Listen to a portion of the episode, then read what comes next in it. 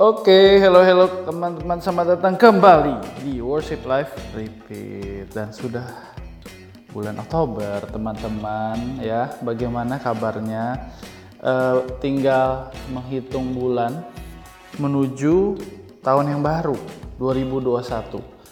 Eh, aku pribadi nggak berasa ya tahun 2020 ini ternyata beneran kata beberapa orang tuh cepet banget. Jadi eh, kalau ingat awal tahunnya Januari. Januari tanggal 1 itu persis ya. E, kalau di Jakarta itu jeng-jeng, apalagi di tempatku banjir. Banjir e, ya banjir parah memang hanya seminggu, e, cuman setelah itu ya tetap deg-degan karena masih musim hujan terus sampai Februari gitu kan. Akhir Februari sampai awal Maret sepertinya hidup mau normal lagi gitu ya. Tahu-tahu corona COVID-19 ya sampai sekarang. Nah itu berarti kan kira-kira kalau hitung dari Maret ya awal Maret, Maret, April, Mei, Juni, Juli, Agustus, September sudah enam bulan dan ini bulan ketujuh bulan Oktober ini ya. Uh, nggak tahu sampai kapan kapan hari kan juga di beberapa episode aku pernah mencoba memprediksi secara awam gitu ya ya aku memang tidak pernah memprediksi yang optimis. Jadi uh, ya here we are ya di bulan Oktober 2020 di masa-masa pandemi terus masih bergelut. Tapi sekali lagi ya seperti beberapa episode aku sebelumnya banyak hal teman-teman kita masih bisa syukuri ya. Banyak hal yang banyak kebaikan-kebaikan yang Tuhan kerjakan tidak hanya Tuhan berikan ya. Tuhan kerjakan di dalam kehidupan kita terlepas apa yang terjadi itu baik atau buruk tapi Tuhan selalu mengerjakan kebaikannya untuk membuat kita tetap melihat ada dia di dalam setiap peristiwa, di dalam setiap perjalanan. Nah, ini ngomong-ngomong soal perjalanan, kan nih sesuai yang kemarin yang saya spoilerkan, lah, kayak film besar saja ya. uh, hari ini kita kembali dengan Pastor's Life Series ya, yang terakhir nih, terakhir, yang ketujuh, biar bagus lah, biar bagus tujuh gitu kan.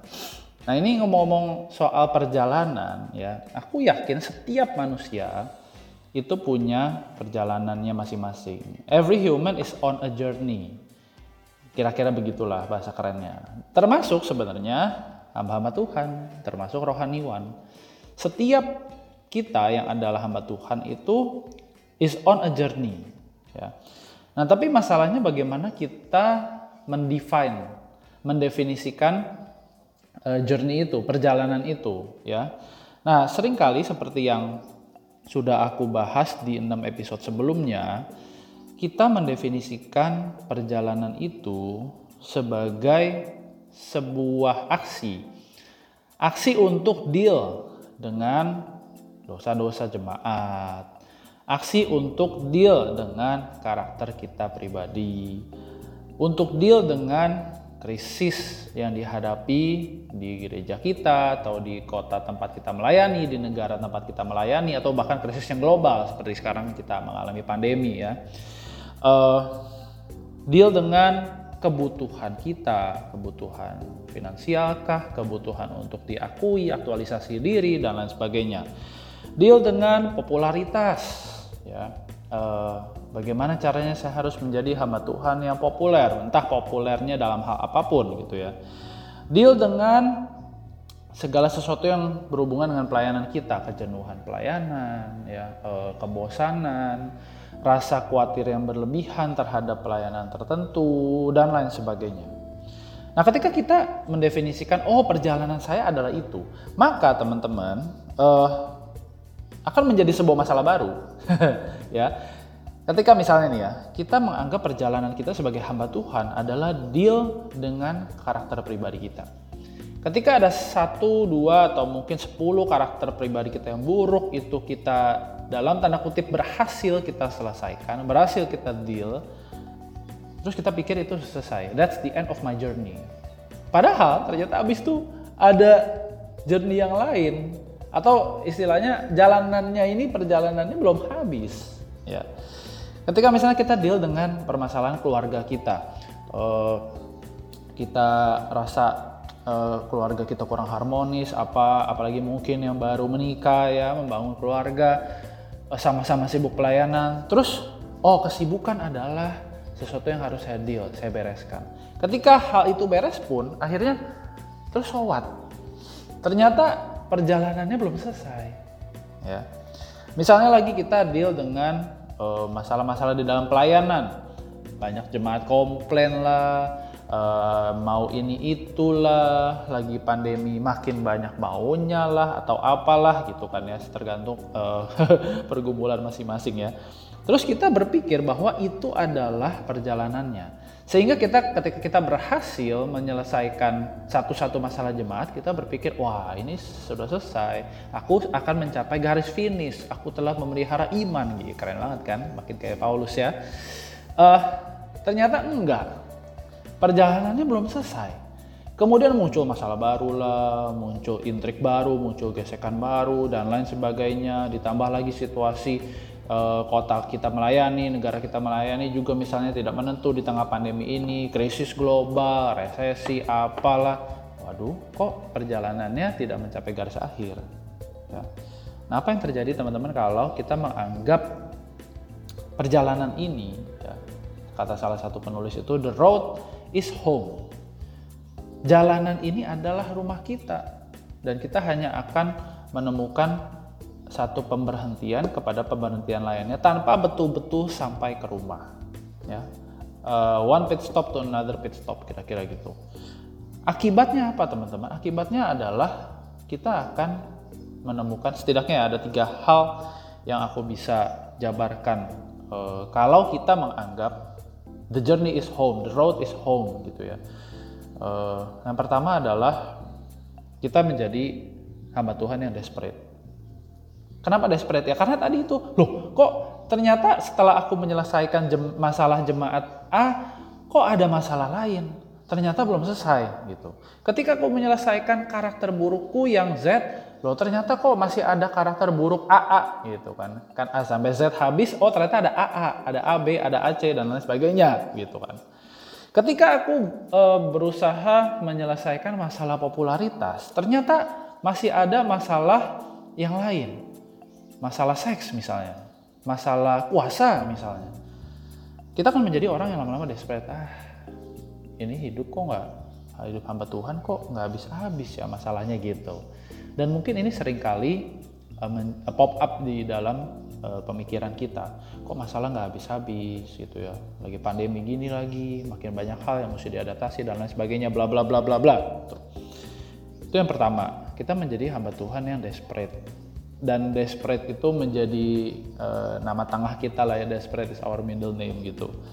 Yang kedua teman-teman, apa yang terjadi kalau kita menganggap the journey is home ya, the road is home gitu yang kedua yang bisa terjadi adalah hasrat kita, gairah hidup kita, gairah pelayanan kita, bahkan cinta kita nih baru bahas kemarin kan ya. Cinta kita itu menjadi salah arah. Kita lebih cinta untuk menyelesaikan masalah jemaat misalnya.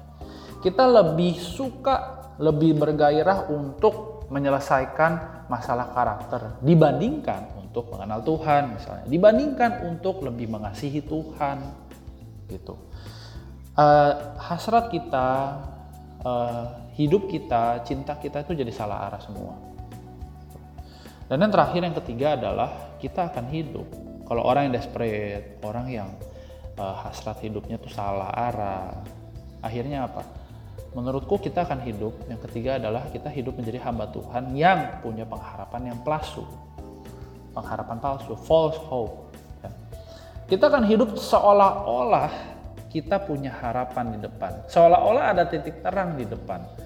Ketika kita berpikir kita sudah menyelesaikan semua masalah di dalam jemaat di dalam waktu satu bulan, kita berpikir, oh iya, sebentar lagi aku akan menjadi hamba Tuhan yang dikenal problem solver, hamba Tuhan yang bisa menyelesaikan semua yang jemaat inginkan, kan harapan palsu tuh ya. Karena kita nggak tahu bulan depan mungkin ada masalah lain. Mungkin ternyata gelar-gelar itu popularitas itu tidak pernah kita dapatkan ya. Kita hidup dengan harapan-harapan yang palsu nah kalau begitu teman-teman eh, bagaimana harusnya kita menyikapi ini semua nah teman-teman eh, harus jujur mbak Tuhan harus jujur ya eh, episode kali ini itu terinspirasi dari section terakhir dari bukunya James Smith yang judulnya On the Road with Saint Augustine. Ya, aku nggak menyangka akhir dari buku ini itu segitu pendeknya, tapi segitu menohoknya. Ya, jadi uh, sebenarnya kalau teman-teman perhatiin semua podcast aku tuh ya, uh, aku sering menggunakan ilustrasi, menggunakan penggambaran-penggambaran itu dari buku-bukunya James Smith ya. Karena penggambarannya menarik sekali, bukan hal yang baru. Kayak misalnya penggambaran ini rumah, rumah bukan sesuatu yang baru, tapi dia bisa memakai itu sedemikian rupa, memakai itu sedemikian rupa sehingga aku tuh paling nggak aku lah, aku nggak tahu kalian gimana yang udah baca juga yang belum baca ya, e, merasa oh ternyata metafora rumah ini sebegitu kuatnya gitu untuk menggambarkan relasi kita dengan Tuhan. Ya. Nah teman-teman uh, di dalam akhir uh, apa namanya dari bukunya ini si James Smith jadi kan dia jelasin juga tuh kira-kira ya seperti yang tadi aku jelasin. Kalau kita menganggap the road is home, apa yang akan terjadi begitu ya. Nih aku aku coba ngutip-ngutip dia lagi ya. Dia bilang begini. Dia kan ibaratkan hidup ini seperti perjalanan gitu ya. Nah, dia bilang running faster won't help. Ketika perjal kita menganggap perjalanan ini adalah rumah kita, maka berlari lebih cepat itu tidak akan menyelesaikan masalah, tidak akan membantu engkau gitu kan. Terus dia bilang crumpling into the middle of the road and giving up doesn't really solve anything either. Sebaliknya, ketika kita merasa ya sudah uh, eh, gue give up deh, ya udah gue stranded in the middle of the road gitu. Uh, itu juga tidak akan menyelesaikan apa-apa karena kita tetap berada di tengah jalan. apa yang terjadi? Terus dia bilang and telling yourself the road is life over and over and over again starts to ring as a hollow consolation. Jadi ketika akhirnya kita, waduh kok perjalanannya belum selesai ya sudahlah, inilah hidupku, inilah hidupku, perjalanan inilah hidupku, ulang-ulang, ulang-ulang kita begitu ya. Itu hanya akan menjadi sebuah penghiburan yang hampa. Kita hanya akan e, berusaha menghipnoterapi jiwa kita e, dengan kata-kata itu dan kita ada e, somehow merasa sedikit terhibur dan ya sudah saya lanjutkan perjalanan lagi gitu ya. Kadang-kadang gigi lima, kadang-kadang mesti mundur, ya sudah nggak apa-apa lah. Yang penting kan the road is life, the journey is life gitu. Nah dia bilang lagi dilanjutin, James Smith lanjutin, lu nggak bisa sampai sana, you can get there from here. Lu nggak bisa sampai rumah dengan cara seperti itu, dia bilang. Tapi bagaimana jika, dia bilang, ada seseorang yang datang untuk menggandeng engkau, mengambil engkau, mengajak engkau berjalan ke tujuan itu, ke rumah itu. Ya. You can get, you cannot get to that last thing, but what if it came to you? And what if that thing turned out to be a someone? Nah ini menarik sebenarnya ya. ketika kita uh, hamba-hamba Tuhan itu berpikir bahwa tujuan kita itu adalah sesuatu Ternyata tujuan kita adalah seseorang. Ya. And what if that someone not only knows where the end of the road is, but promises to accompany you the rest of the way, to never leave you or forsake you until you arrive. Bagaimana jika seseorang itu uh, tidak hanya menghampiri kita, tapi juga uh, dan dia tidak hanya tahu akhir dari perjalanan ini, tapi dia berjanji akan terus menemani kita sampai kita di garis finish. Dia tidak akan meninggalkan kita sampai kita uh, arrive on that destination. Teman-teman sebelum aku melanjutkan kalimat James Smith, aku pikir ini kalimat yang memiliki makna jauh lebih dalam daripada sekedar uh, huruf-huruf yang bisa kita baca, kita maknai hanya secara literal gitu ya. Ketika dia bilang, sebenarnya harusnya kita semua sudah, sudah tahu bahwa tujuan kita, home kita itu harusnya adalah Tuhan sendiri. Ya kan? Tuhan Yesus kan bilang di dalam Injil Yohanes yang dikutip juga James Smith kan, di rumah Bapakku banyak tempat. Home itu bukan popularitas kita, bukan gelar kita sebagai problem solver bisa menyelesaikan semua masalah jemaat, bisa menyelesaikan masalah di dalam diri kita, bisa menyelesaikan masalah finansial jemaat dan lain sebagainya, bisa membangun kerajaan pelayanan yang uh, hebat gitu ya. Tapi tujuan kita adalah Yesus sendiri yang akan membawa kita ke rumah yang kekal itu, begitu kan. Tapi ketika James Smith itu bilang, bagaimana jika seseorang itu tidak hanya tahu uh, end up lu di mana bersama dengan Bapa di surga, betul. Tapi dia akan berjanji menemani sampai kita nyampe di sana. Menemani itu kan berarti apa? Dia akan berjanji bersama dengan kita di tengah dunia ini, di tengah peranan kita sebagai pastor, hamba Tuhan, di tengah ladang yang dia percayakan yang harusnya kita cintai, ya, dengan lebih dulu mencintai dia, ya. Dan dibilang to never leave you or forsake you until you arrive. Ini konsep yang sebenarnya uh, besar sekali ketika James Smith itu mau bilang bahwa uh, homecoming ya, tiba kembali di rumah itu bukan soal tujuan saja tapi soal bagaimana home coming to us rumah itu datang kepada kita.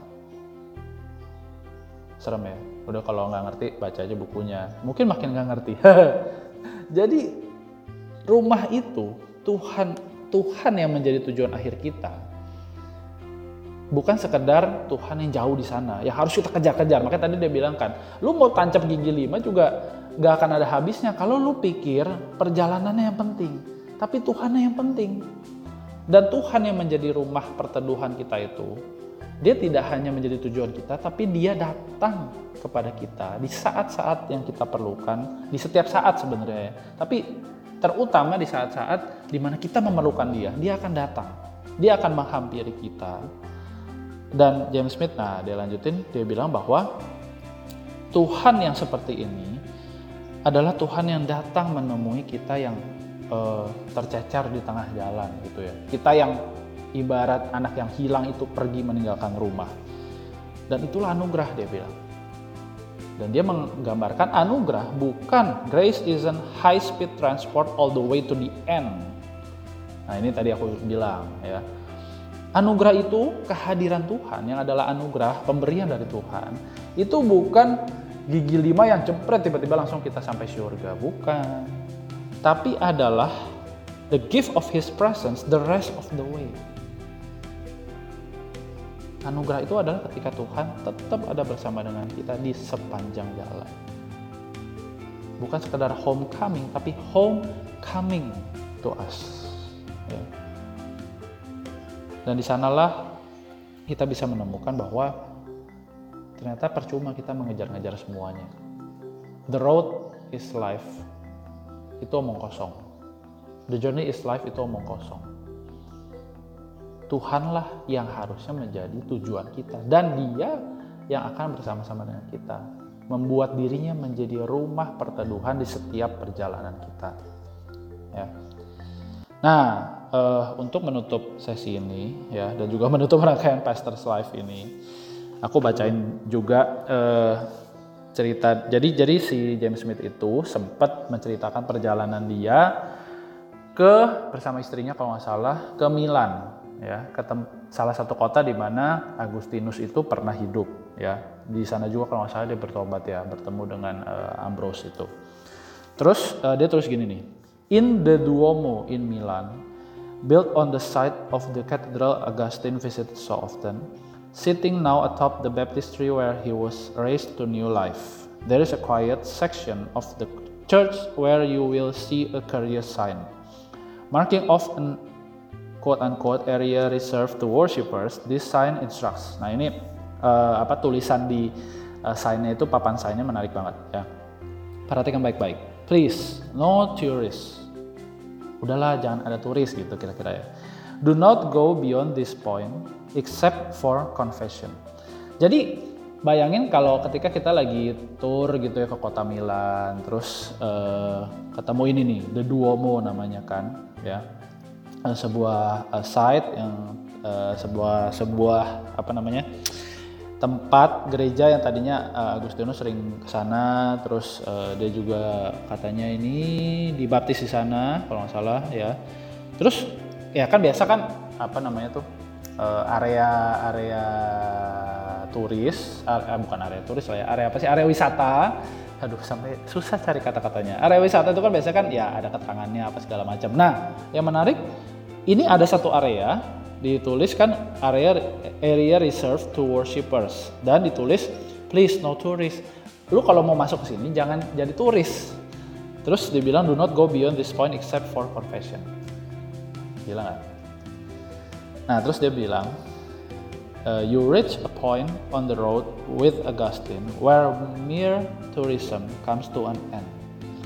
Jadi ketika kita berpikir bahwa di dalam perjalanan hidup kita ini kita seperti juga jadi turis, kita cuma lihat-lihat, lihat-lihat. Oh kita lihat kehidupan Agustinus bagus ya. Nah kalau kita sampai di titik ini, maka dia kayak mau bilang, lu udah nggak bisa lagi jadi turis sebenarnya. Oke lah selama ini lu lihat-lihat kehidupan dia seperti apa gitu ya Uh, tapi kalau sampai di titik ini, lu harusnya sudah berhenti untuk menjadi turis. Terus dia bilang, Your you are faced with a choice. Do you want to step in there? Mau nggak lu masuk ke area itu? Area yang lu nggak bisa lagi jadi turis, itu hanya reserved for worshippers that seeks confession. Mantep gak? Ya. The next step dia bilang isn't arrival. It's not the end of the road. To make that step won't solve all your problems or quell every anxiety. Ketika kita menjadi seorang yang bukan lagi jadi turis, itu tidak menjadi akhir perjalanan kita. Ya. Tapi ya, James Smith bilang, it is the first step of giving yourself away. Merelakan diri kita, let go diri kita kepada Tuhan.